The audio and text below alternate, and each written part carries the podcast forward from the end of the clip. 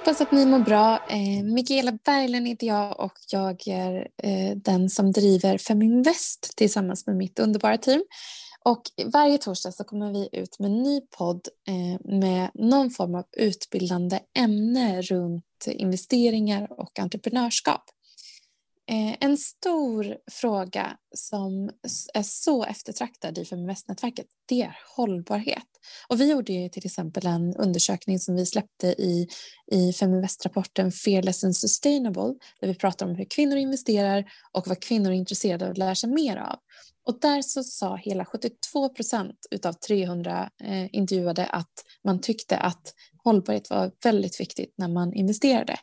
Eh, så pass viktigt att man i jämförelse med exempelvis jämställdhet som vi alla liksom jobbar med och tycker är viktigt såklart. Eh, men där så var det endast 50 procent så det är ändå en väldigt stor skillnad på eh, prioriteringen där hållbarhet och då inkluderat liksom hur vi tar hand om vår planet och ja, ytterligare liksom dimensioner av, av hållbarhet ska jag säga. Jämställdhet är ju också viktigt. Eh, och det tror jag att alla skriver under på. Men man kanske också tänker att det ingår i, i hållbarhet som helhet. Men därför så är jag så eh, otroligt förväntansfull på dagens poddgäst som är ingen mindre än Elin Enfors Kautsky. Och hon är grundare till ett bolag som heter Prosperous Planet. Eh, hon är eh, doktor och har jobbat som researcher på Stockholm Resilience Center som ni känner till eh, ligger under Johan Rockström som är den är kanske den främsta profilen inom hållbarhet i, i Sverige idag. Ehm, Prosperous Planet är ett bolag som hon startade i 2018 och varför ska ni få höra mer om. Men det de gör idag är att de hjälper bolag att faktiskt ställa om till att Eh, både agera utifrån ett hållbart arbete samtidigt som de integrerar det med affärsmodellen. För det, ska ju, det går ju faktiskt att tjäna pengar och ställa om hållbart.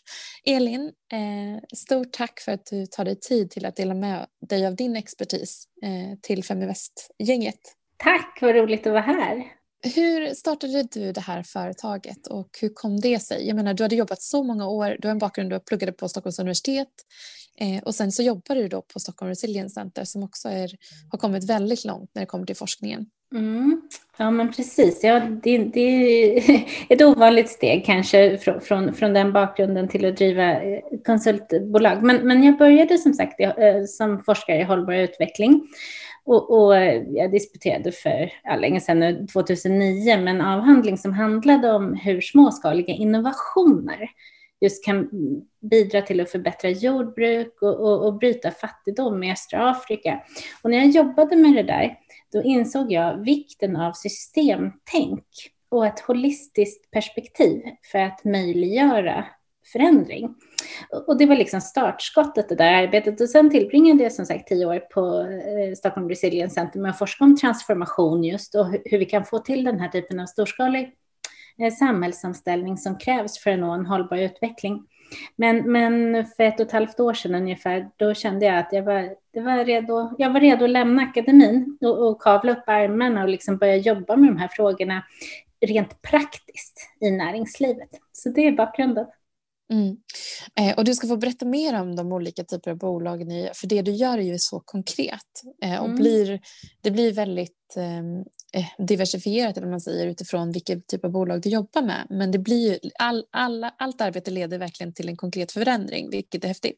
Och jag har ju fått också kika lite på eh, en del av den forskningen som du har sammanställt och jag vet att du jobbar väldigt mycket utifrån antropocen och vi kanske ska ja. nämna det också initialt, hur ni jobbar. Just det, vi, vi börjar med det begreppet, för det, det är centralt för allt det arbete som vi gör. Så antropocen betyder ju människans geologiska tidsålder.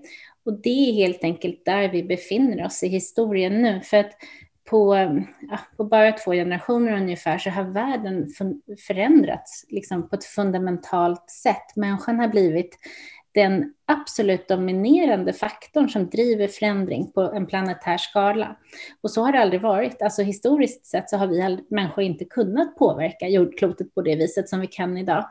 Och det som är viktigt med det här antropocenperspektivet är ju att det har en massa eh, det har en massa eh, effekter på hur man driver lönsam affärsverksamhet. Vi måste liksom ta med det i beaktande för att kunna utveckla framgångsrika affärsmodeller idag.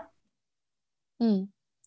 Eh, och jag har ju sett då graferna som du har illustrerat. Man önskar att man kunde visa upp det med den bilden. Men hur vår eh, liksom, konsumtion och användandet av jordens resurser har liksom, ökat så otroligt drastiskt. Om man lägger liksom, hur mycket vatten vi använder, hur mycket el vi använder, hur mycket ja, men, alla de här olika resurserna så ser man mm. också hur i proportion hur koldioxidutsläppen har ökat och hur...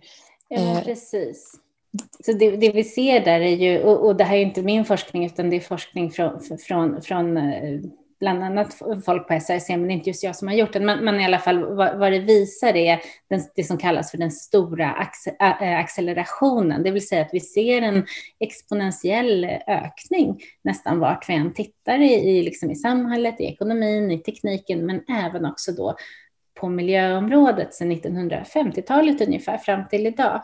Så, så att, eh, och, och, det du just beskrev där då är ju liksom hur den här enorma ekonomiska och teknologiska utvecklingen som världen har sett har avspeglat sig nästan exakt i avtrycket på mm. miljön. Superintressant. Mm. Eh, men om man då kollar på liksom de stora bolagen som eh, ja, men kanske har liksom det mesta dels, eller det största värdet i, i näringslivet. Mm. Hur jobbar man med hållbarhet idag? Ja, just det. Bra fråga, för det är så att det, väldigt mycket har hänt eh, de senaste tio åren skulle jag säga. Och, och om vi går tillbaka till liksom början av 2000-talet eller så, då var liksom hållbarhet var ju kanske en profilfråga för vissa bolag.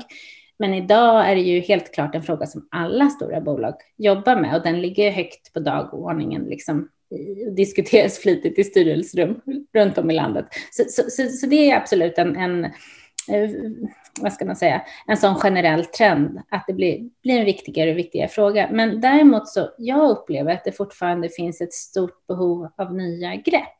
För att jag tycker fortfarande att det är så att det är liksom det som jag kallar för compliance-perspektivet som dominerar. Alltså att hållbarhetsarbetet drivs av liksom compliance-argument. Det vill säga att man, syftet som man ser det, det är att leva upp till regler och följa standarder och så vidare. Mm. Och det, det, är, det är ju i och för sig det är inte oviktigt, men, men om, och det, det, här har ju då gjort att företags hållbarhetsarbete har gått ut på att vara, lite hårdraget nu, men i alla fall mindre dålig. Alltså att minska ett negativt avtryck, det har varit målet. Man har inte tänkt på det i termer så mycket av att göra ett positivt avtryck. Och, och den här liksom minska det negativa avtrycket, det är ju kanske liksom ett, det är väldigt mycket liksom riskfokuserat, hur minskar vi risker? Men jag tror inte att det där ger tillräcklig uppsida ur ett affärsperspektiv. Så jag, jag, tror faktiskt att man behöver en annan approach till hållbarhetsarbetet idag. Så liksom, precis som i alla andra affärsfrågor så måste man sikta högt, inte bara då på minskat negativt avtryck utan faktiskt på att försöka förstå hur man genom sin affär kan ha ett positivt avtryck på både miljön och liksom det samhälle då som, som vi är en del av. Så jag tror att, att hållbarhetsarbetet går i den riktningen. Och en mm. annan sak då som jag hoppas på, jag tycker mig också se tecken på det, att, att, liksom, att man börjar se det här mer som en del av den storskaliga förändringen eh, som, som händer nu i antropocen. För att eh, antropocen är ju liksom både digitalisering, all liksom teknologisk disruption, nya värderingar, nya kundbeteenden och klimatkris och förlust av biologisk mångfald. Allt det här händer på en och samma gång och liksom dagens affärsmodeller måste hantera alla de här frågorna. Det är liksom inte särskilda ämnen, utan man måste ha en strategi som väver ihop det här. Mm. Eh, och hur, eh, om du, du har varit inne lite på det i det du har berättat, men om man tittar på vad som kommer hända framåt, vad indikerar eh, dagens liksom, utveckling? Att, hur kommer det se ut om 10-15 år? Säg? Mm. Jag, jag, tror att företag kommer jobba med hållbarhet på ett sätt som genomsyrar hela verksamheten. Då. Jag tror liksom samhällsnytta, klimatnytta och så vidare, det kommer vara inbyggt i, affärs, i de dominerande affärsmodellerna. Och det här, eh, det är något som på ett sätt tvingas fram på grund av den förändring som antropocen innebär. Det gör helt enkelt att det är de affärsmodellerna som blir mest lönsamma eh, när vi liksom står inför den här typen av skala på globala utmaningar. Eh, men det, jag tror, så det är liksom en, en sån, eh, vad ska man säga, pushfaktor. Men sen så tror jag också att det kommer finnas ett enorm efterfrågan på den här typen av, liksom, på företag som aktivt kan bidra till att lösa de globala problem som vi ser mm. runt om oss idag. Mm. Jag tänker att man i dagsläget, det här är mitt, mitt perspektiv, fokuserar mm. väldigt mycket på det som är mätbart, att man vill se ja, ett resultat. Ehm, mm. Och då är det ju vissa områden man kanske eh, liksom nischar in sig på som företag, som men exempelvis koldioxidutsläpp är ju ett sånt. Eh, men vad, vad tänker du, hur rapporterar man idag från det, det, ditt perspektiv? Ja, men precis. Men det här med koldioxid eh, och mäta det och så till att börja med bara. Eh, skälet till att eh, det har blivit så pass mycket fokus på just den frågan är att liksom klimatkrisen är den hållbarhetsfråga som har helt dominerat nyhetsrapporteringen de senaste åren. Och klimatet är ett, liksom, den problematiken är verkligen ett allvarligt hot. Men här, här bör man också vara medveten om att vi håller på att korsa ett antal allvarliga planetära gränser som är lika problematiska som klimatet. Som till exempel då att vi förlorar biologisk mångfald i rasande takt, alltså växtarter och djurarter dör ut i liksom en hastighet vi aldrig har sett förut. Um, och sen har man andra typer av förändringar också, liksom att vi stör de biogeokemiska cyklerna på något så här fundamentalt plan, förändrar kväveflöden och den typen av saker. Det här påverkar liksom vår planet i, i grunden. Och här tror jag att man, vi behöver utveckla också konkreta sätt att mäta Eh, även andra aspekter av företags hållbarhetsarbete. Än, än, eh, det räcker inte med klimatavtrycket, utan vi måste liksom utveckla det också. Men det som är liksom klimatet ändå det går i någon mån ändå att reducera till en siffra. Det går att liksom eh, kvantifiera koldioxidekvivalenter. Och det är, det är mycket svårare vad gäller biologisk mångfald till exempel. Det har många fler dimensioner, så det är inte lika lätt att reducera till en siffra. Men det görs mycket liksom, forskning och även praktiskt arbete runt det för att ta fram nya sätt att just angripa det här från ett mer, mer kompl liksom, komplexitetsbaserat och holistiskt sätt. Så, så, det är det ena om mätningen. Sen så var du inne på det här med rapportering och det tycker jag också att det finns anledning att fundera lite på eller prata lite om. För att eh, jag tror alltså, alla stora företag hållbarhetsrapporterar. Det finns lagkrav på att göra det, så det gör man. Um, men jag tror fortfarande, min, min upplevelse är att det är fortfarande mycket av det arbetet som sker ad hoc. Alltså när det är dags att sätta ihop sin rapport som man, som man vill ha för att kommunicera till sina olika eh, stakeholders, eh, då, då, skramlar man fram de siffrorna som, behöver, som man behöver då en gång om året eller så. Eh, men här tror jag att vi, vi, vi, måste förändra vårt perspektiv på det där, för, för att liksom, så länge hållbarhetsarbetet är fokuserat på rapportering, det blir tillbakablickande, det är liksom inte, per definition blir det inte särskilt strategiskt det. Mm. Utan jag tror vi behöver titta på uppföljning i hållbarhet som vi tittar på annan business intelligence. Framåt liksom. Och, och liksom hela tiden ha uppdaterade siffror på vad, hur, hur man hur ens performance ser ut på klimatområdet eller på ja, jämställdhetsområdet eller, eller mångfaldsområdet eller vad det nu kan vara, vilken fråga det nu är, att det, liksom, att det här blir lika naturligt att följa som, ja, som olika typer av ekonomiska mått på, på, på, eh, på ens verksamhet. Och, och, så dit tror jag att vi kommer gå. Och det utvecklas också den typen av system just nu, vet jag, för, för att kunna göra det arbetet praktiskt. Mm. Ja, spännande. Mm. Mm. Eh, om man då liksom har, om vi tar på oss investerarhatten så, mm. eh, så finns det ju liksom primärt så är det ju eh, ESG, Environmental Social Governance, som mm. liksom många investeringar kanske utgår ifrån. Eh, och många önskar profilera sig som eh, hållbara alternativ. Eh, om man verkligen vill investera hållbart, hur ska man tänka och hur, ska man liksom, hur skiljer sig olika epitet åt så att säga för den som letar mm. hållbara investeringar. Ja, men vad bra. Det är också en superviktig fråga det där, för att eh, de här ESG-bedömningarna, det är ju liksom ratings som görs nu, mer av liksom av oberoende ratingbolag så bedömer man olika företag från det här perspektivet. Vad är det, liksom hur, hur står de sig vad det gäller sitt miljömässiga arbete, sitt sociala arbete och sin bolagsförvaltning? För det är de tre delarna. Då. Och eh, eh, det, som man, det första där är att man behöver förstå lite hur de här eh, ratingarna är uppbyggda idag. Vad är det man väger in? Så, så, risk är ju väldigt viktigt i det här. Till exempel så bedöms företag då utifrån sin klimatrisk. Men det man menar med det då, det man ofta tittar på, det är liksom hur, hur riskabel är den här investeringen? Eh, givet att vi går en fossilfri framtid till mötes. Och, och, och, det, och, då, kan ju, och då blir ju vissa branscher, får ju de då har ju de låg risk och andra branscher hög risk såklart. Eh, men det jag tror man missar där då kanske som, som man skulle behöva utöver det där, det är att liksom fundera på andra typer av antropocenrisker. Eh, kraschade värdekedjor och den typen av grejer som, som, som vi också kommer få se mycket mer av. För att till exempel då, eh, säg, eh, några som handlar med kaffe då, för att ta ett exempel till exempel.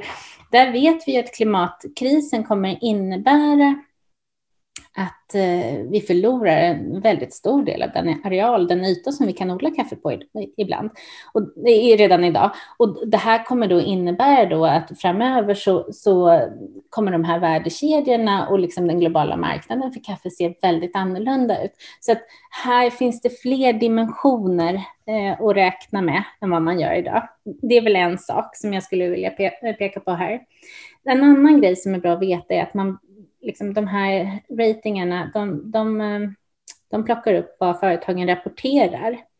Eh, och då, då, är det bra att vara medveten om också att det finns en skillnad mellan vad företagen själva rapporterar och kommunicerar och vad man faktiskt gör, eller i alla fall vad det man gör har för effekter. Så, så ett exempel här då är ett, ett företag som är in, inblandade i någon form av korruptionsskandal eller så där, de, de satsar ju säkert mycket på kommunikation som en konsekvens av det eller i kölvattnet av det. Och då kan man ändå falla ganska väl ut. Liksom, för, att man, mm, för att man har pratat mycket om det här och man har försökt vara öppen och man har försökt vara transparent. Så det finns en skillnad där mellan liksom, vad man säger och vad man gör eller vad det har för effekter. Så, så det, och det är det andra. Det tredje som jag tror är bra att liksom ha koll på här är att man ofta bedöms utifrån branschstandarder. Så liksom, och då, kan man ju, då blir man jämförd då med, med eh, närliggande verksamheter. Så att i princip kan man få ett ganska bra betyg även för att man är bäst av dem, för att man är bäst i gänget. Liksom. Men det säger ju inte så jättemycket om alla i gänget är dåliga. Så att det, det är liksom, man behöver här, det, det, handlar ju om vem man jämför sig här med också. Så, så, den dimensionen behöver man också ha med här i, i, i den här ekvationen. Och sen den sista grejen som jag tycker är viktig att pe på, med, peka på är att man, man man bedöms utifrån allt det ESG-arbete man gör. Och då, men allt ESG-arbete är inte lika viktigt för uh, olika företag skulle jag vilja uh, påpeka. Så att jag menar, ett företag i, i oljebranschen då till exempel, eh, mm den viktigaste frågan för dem att förhålla sig till, det är ju liksom klimatfrågan självklart. Men man kan ändå eller liksom, eh, framstå ganska bra då för att man jobbar bra kanske med andra aspekter av hållbarhet, jämställdhet eller ja, någon helt annan fråga. Och inte för att jag säger att det är oviktigt, de är viktiga de aspekterna också, men man kan, man kan liksom inte köpa sig fri från kärnfrågan med hjälp av andra frågor. Det där ser vi också liksom i livsmedelssektorn, eh, ja, problem med företag, liksom, stora eh, producenter av kyckling till exempel som använder väldigt mycket antibiotika i framställningen av den. Den är så överskuggande, det problemet, att man borde inte kunna liksom kompensera för det med hjälp av andra frågor. Men, men, men, men och här har vi väl en bit på väg fortfarande mot de här mot ratings som blir mer holistiska, tar med flera av de här delarna i beräkningen och faktiskt gör att man kan som, som, eh, som investerare känna att ja, det här var eh, tillförlitligt och det här kan jag gå på fullt, fullt ut. Så jag tror, liksom, det har varit ett långt svar här, men eh, för ja, väldigt viktigt att... Eh, sammanfatta det lite i alla fall. Jag tror man behöver sätta sig in i lite vad är det den här liksom, ratingen, vad står den för? Mm. Vad är, det som, vad är liksom beståndsdelarna i det här? Det är det ena. Eh, och, och, det andra som jag tror att man skulle behöva lägga till ännu mer, det är liksom eh, ambition och potential. Vad vill det mm. här företaget? Och vad, alltså det blir liksom, mer proaktivt? Liksom. Ja, mm. precis. Mm. Vad vill de? Vad är de ute efter att förändra? I vilken mån är de ute efter att bidra till en mer, till en bättre framtid? Mm. Vad är det företaget vill göra? Så det skulle man behöva få in ännu tydligare mått på. Ja, men det här, jag, tycker, jag brukar ibland lyfta också eh, exempelvis Coca-Cola som ett bolag som man, liksom, man måste på något sätt bestämma sig själv också. Vad är det man själv tycker är viktigt inom, inom hållbarhet? När man ser på liksom, okay, vad, är, vad är erbjudandet? Jo, men det är ju i stort sett den viktigaste produkten de säljer är en socker eller mm. liksom mm. en dryck med tillsatser eller socker mm. och så. Mm. Eh, och de har ju ett oerhört omfattande hållbarhet, hållbarhetsarbete parallellt där de nu återanvänder all plast och de tar fram en prototyp för en pappersflaska och de ger tillbaka till liksom olika områden som är socialt utsatta så de fokuserar på det och vill återanvända vatten och så vidare. Så de, de jobbar ju väldigt mycket vid sidan av eh, och då får man ju liksom själv då som investerare eller bestämma sig för hur man vill förhålla sig till de olika värdena. Ja, precis. Och hållbarhetsarbetet är ju mångdimensionellt. Alltså, mm. det, det, det, finns hälsofrågor i det där då som du beskriver. Det finns eh, viktiga klimataspekter relaterat till förpackningarna det, och även liksom frågor om nedskräpning och plast i naturen och den typen av grejer. Så att, eh, alla de här frågorna är rent objektiva viktiga. Det, mm. det, är det ju, och vi har ju stora problem på alla de här områdena. Eh, så det, jag tror att det är bra att ha med sig de glasögonen när man tittar på det, liksom det här mångbottnade perspektivet. Mm. Eh, men om vi, om vi kikar på lite andra liksom, mätbara mål, om vi ska bli lite mer proaktiva. Mm. Eh, vilka andra mätbara mål kan man använda? Då? Jag vet till exempel att något fastighetsbolag hade, eh, jag kommer inte ihåg vilket det var, hade använt sig av um, socialt att de ville bygga en viss typ av byggnader i utsatta områden för att mm. bidra positivt till ja, att skapa liksom, sociala umgänges, trygga platser ja, mm. för jobb och så vidare. Just det, just det exemplet känner inte jag till, men det låter ju alldeles utmärkt. Jag tror att man ska, man ska fundera över vad man har möjlighet att bidra positivt, både vad det gäller Eh, miljösidan, i vilken mån kan det här företaget då bidra till att eh, restaurera olika typer av ekosystem, rena vatten, eh, bidra till att binda mer koldioxid och så vidare. Verkligen se den här positiva uppsidan. Eh, men även socialt då vända negativa trender. Och, och liksom där, det, det, är den här potentialen som jag var ute efter innan. Och, och, där tror jag att om man tänker lite kreativt så finns det många, många möjligheter för, för, för många företag att verkligen hitta till det här positiva avtrycket. Och den där potentialen skulle vi vilja fånga liksom i olika typer av, av jämförelser och bedömningar. Eh, men det är inte, det är komplext, helt klart. Det, det, mm. det, är inte, det, det, det, vad ska man säga, det lämpar sig inte enkelt för att reducera till en siffra på det viset som man gör kanske med klimatberäkningen. Mm. Eh, vilka trender tror du kommer in, i näringslivet kommer liksom starkt eh, på hållbarhetsområdet framåt? Eh, ja, alltså det, ja, men dels det då som jag varit inne på hela tiden här. Eh, mm. Målet att inte bara minska ett negativt avtryck utan faktiskt göra ett positivt. Det tror jag är ena. Det andra tror jag är det här med att hållbarhet eller samhällsnytta, klimatnytta och så vidare blir inbyggt i affärsmodellerna från början. Men att, man, att det här kommer sträcka sig bortom just klimat, även liksom mer holistiskt. Det, det tror jag mycket på. Mm. Eh, sen eh, öppen innovation ser vi också exempel på. Att företag blir mer och mer öppna med sina innovationsprocesser och deras nya idéer och liksom att man samlas runt om där i nya typer av samarbeten och affärsekosystem för att gemensamt bidra till hållbar omställning av olika branscher. Mm. Det, det, tror jag. Mm. Eh, och här så vill jag komma in lite på liksom vad de nya företagen gör för någonting. Mm. Eh, vad ser du för trender där när det kommer till innovation och, och, och liksom ett, ett hållbarhetsarbete som faktiskt utgår ifrån affärsmodellen?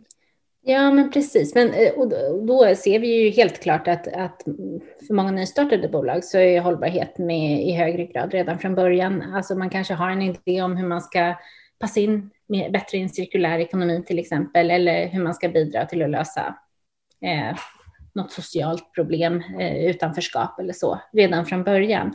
Eh, men, och, och, det tycker jag det är ju jätte, jättepositivt. Men samtidigt, och det vill jag bara eh, ändå varna lite för, så sker mycket innovation på techområdet just nu, där de här frågorna inte är ihopkopplade, utan att man liksom kanske anser att eh, techföretagen liksom per definition skulle vara hållbara. Och det, det, det tror inte jag faktiskt, utan här tror jag att det finns jättemånga viktiga hållbarhetsfrågor som man skulle behöva eh, lyfta vidare, till exempel eh, använda användardata, hur använder de här bolagen dem? Används det för att driva mer konsumtion? Det är svårt att, liksom, det är svårt att blunda för den aspekten. Så jag tror eh, det finns liksom lite två strömningar här bland de nystartade bolagen. De som, de som då tar i det här redan från början och försöker hitta möjligheterna runt det och de som, som fortfarande ser att det här inte påverkar oss riktigt, för vi har bara den här liksom, tekniska lösningen på någonting. någonting. Och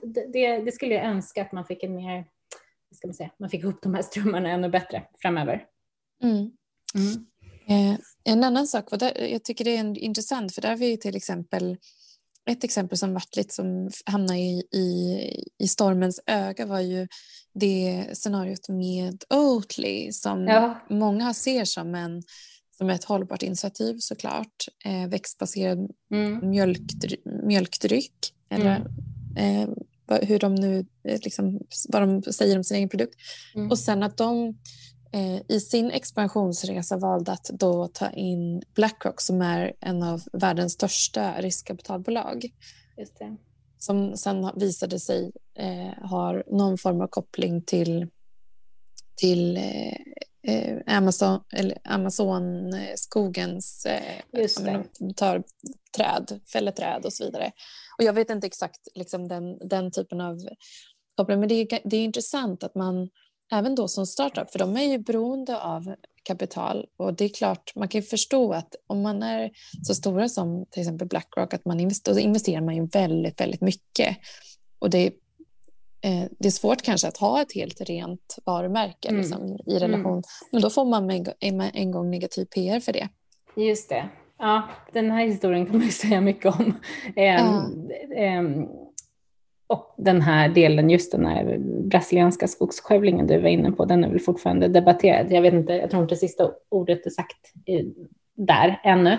Men eh, några reflektioner om det där är väl, jag tror att Eh, när man har slagit så stort på trumman som Oakley har gjort om deras hållbarhetsarbete eh, så är det svårt att förena eh, med att ta in eh, kapital från en investerare som har så tydliga band till, till, till arbete som motverkar liksom, eh, mm. klimatarbetet. Och, och, och, det finns ju exempel på här hur, hur de liksom har finansierat eh, superpacks bakom Trump och så där, så, så, så, och, som står då för en regim i USA som vill kliva ur klimatavtalet. Så där tror jag att det blir svårt att få ihop den storyn på ett helt trovärdigt sätt. Det har man ju försökt med, men jag, jag tycker inte man har lyckats med det. Eh, Sen samtidigt så, så, så det, det, du lyfter här då är så här, vad gör man då? Man, man är i sin, sin tillväxtresa, det är klart att man behöver ta in kapital för att, men man, men man behöver kanske titta lite kritiskt där också på vem står bakom kapitalet och vad vill de? Liksom, vad är deras mm. syfte? Vad är deras ambition? Liksom? Och tror man på det som, tror man på ambitionen, är det genuint liksom, att man vill åstadkomma den här omställningen? Och, och för Oaklys del så tror jag att det, är liksom, det här var ju de hade ju blivit kritiserade tidigare för den typen av investeringar de tog in, så att det, var, det var heller inte en engångsföreteelse, utan eh, och det i kombination med den här väldigt höga svansföringen i, i, i klimatfrågan då, som man har haft, så, så tror jag att det stack många i ögonen faktiskt. Ja, men um, intressant. Och det, mm. det, förstår man ju faktiskt. Som du ja, säger, att det, man, man tänker ju att de har ju varit väldigt aggressiva i sin profilering om att de är ett hållbart alternativ. Och, och, då blir och jag, fallet större. Liksom. Ja, men då blir fallet större. Och jag tycker det som är intressant med det, för, för, för mig då som hållbarhetsforskare så, så, så tycker jag förvisso att det är jättebra att folk dricker havremjölk. Ehm, men den här ensidiga liksom, klimatfokuset som de har haft i sin kommunikation, inget jag tycker att liksom, vad ska man säga, det hade inte jag rått ett bolag jag hade jobbat med och, och, och, tänka på det på det viset. För jag menar, man måste tänka på landskap som komplexa och de fyller många funktioner och svenskt jordbruk och svensk köttproduktion är viktig för hållbarhet mm. i Sverige. Sen så finns det liksom det är odiskutabelt att det vore bra för oss att, äta mindre mejeriprodukter. Men, men, men, men eh, det är en väldigt svartvit tolkning de har gjort som jag tror många hållbarhetsforskare faktiskt inte skriver under på. Mm. Ja, tack för den eh, informationen och väldigt intressant att lyssna till dig. Mm. En, en, sista fråga. Eh, om man då är, för du jobbar ju verkligen konkret med att hjälpa bolag att ställa mm. om. Så att om man är liksom, man kanske har kommit en bit på väg med sitt företag eller man om man inte har utgått ifrån hållbarhet men man tänker gud jag vill, liksom, jag vill få med det här. Eh, hur kan man tänka och anpassa affärsmodellen? Jag förstår ju att det, det ser olika ut men jag vill gärna höra dina tankar. Ja men just det, men, och då kan man väl börja med att säga att det finns ju vissa branscher som, som absolut inte har framtiden för sig, som liksom eh, fossila drivmedelsbranschen. Men det finns många andra branscher som kan ställa om och som kan hitta det här liksom positiva avtrycket. Och, och, och där, Eh, det jag tror då att man måste ta in på något sätt är att vi står inför en ny nivå av komplexitet i det liksom antropocen innebär. Så att hitta fram till sin roll här, det kommer kräva kreativitet, liksom många olika idéer, nya samarbetsformer, nya samarbetspartners och att man vågar prova sig fram. För jag tror inte att det finns något recept eller blueprint här annat än på liksom rätt generisk nivå, typ så här systemapproacher är nödvändiga för att hitta, eller navigera rätt här. Men det finns några bra exempel eh, tycker jag, här i Sverige bara, där företag tagit sig an liksom, alltså etablerade bolag, tagit sig, hand, eh, alla, eh, och tagit sig an i alla fall delar av den här utmaningen på ett väldigt inspirerande sätt. Och ett exempel är ju Ikea och det som jag tycker är kul med dem, det är deras vision som är så uttalat liksom people, planet, positive. Så att det är ju verkligen ett exempel på hur man kan formulera en idé om att bidra till en eh, regenerativ företagsframtid. Så, så, det är ett exempel. Ett annat exempel som är lite kul tycker jag är Coop just nu. De håller på att kartlägga den här komplexiteten som vi pratade om innan i relation till hela deras sortiment. Så att de håller på att ta fram ett mångdimensionellt fotavtrycksmått på sina varor. Och det är ju ett konkret sätt att förhålla sig inte bara till klimatfrågan utan även liksom andra former av planetära gränser. Mm. Och sen tycker jag, liksom för en annan typ av, av satsning, men som också är intressant här, det är, man kan titta på Scania. De, de gick ut här en veckan och sa att de mm, satsar på att bygga en egen batterifabrik. Och det här gör de för att möjliggöra omställningen till eldrivna lastbilar. Och det är också jätteintressant, för det blir en strukturell förändring som verkligen öppnar upp möjligheter för en helt ny utvecklingsväg genom att ha kontroll över den delen av, av, av produktionen också. Så skapar de ju liksom snabb drivkraft eh, framåt längs den utvecklingsbanan.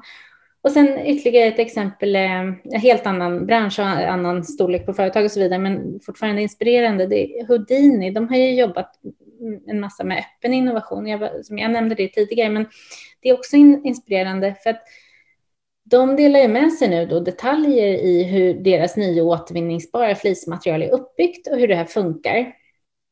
Eh, och det delar de med sig till andra i branschen och syftet med det är att skapa en större efterfrågan och möjliggöra den här omställningen på bred front. Så här försöker man verkligen få med sig sin bransch liksom, och ser inte det som en konkurrens utan som en möjliggörare.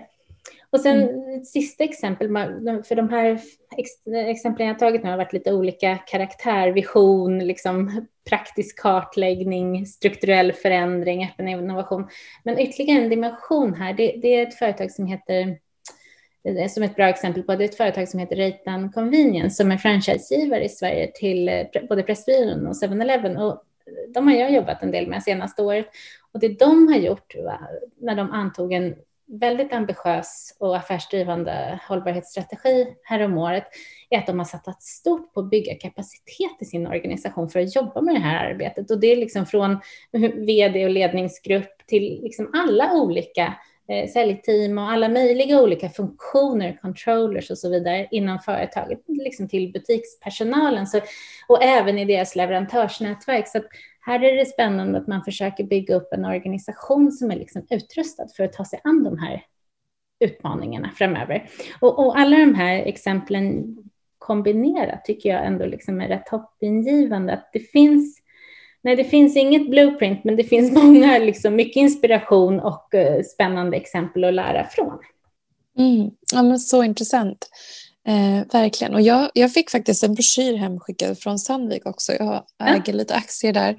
Eh, då får man lite information från bolaget. Mm. Jag brukar faktiskt emellanåt sitta ner och, och läsa. Jag läste bland annat om hur de eh, jobbar på olika sätt med cirkulära mm eh, att 90 procent eh, deras målsättning är att mer än 90 procent eh, av det de använder ska vara cirkulärt.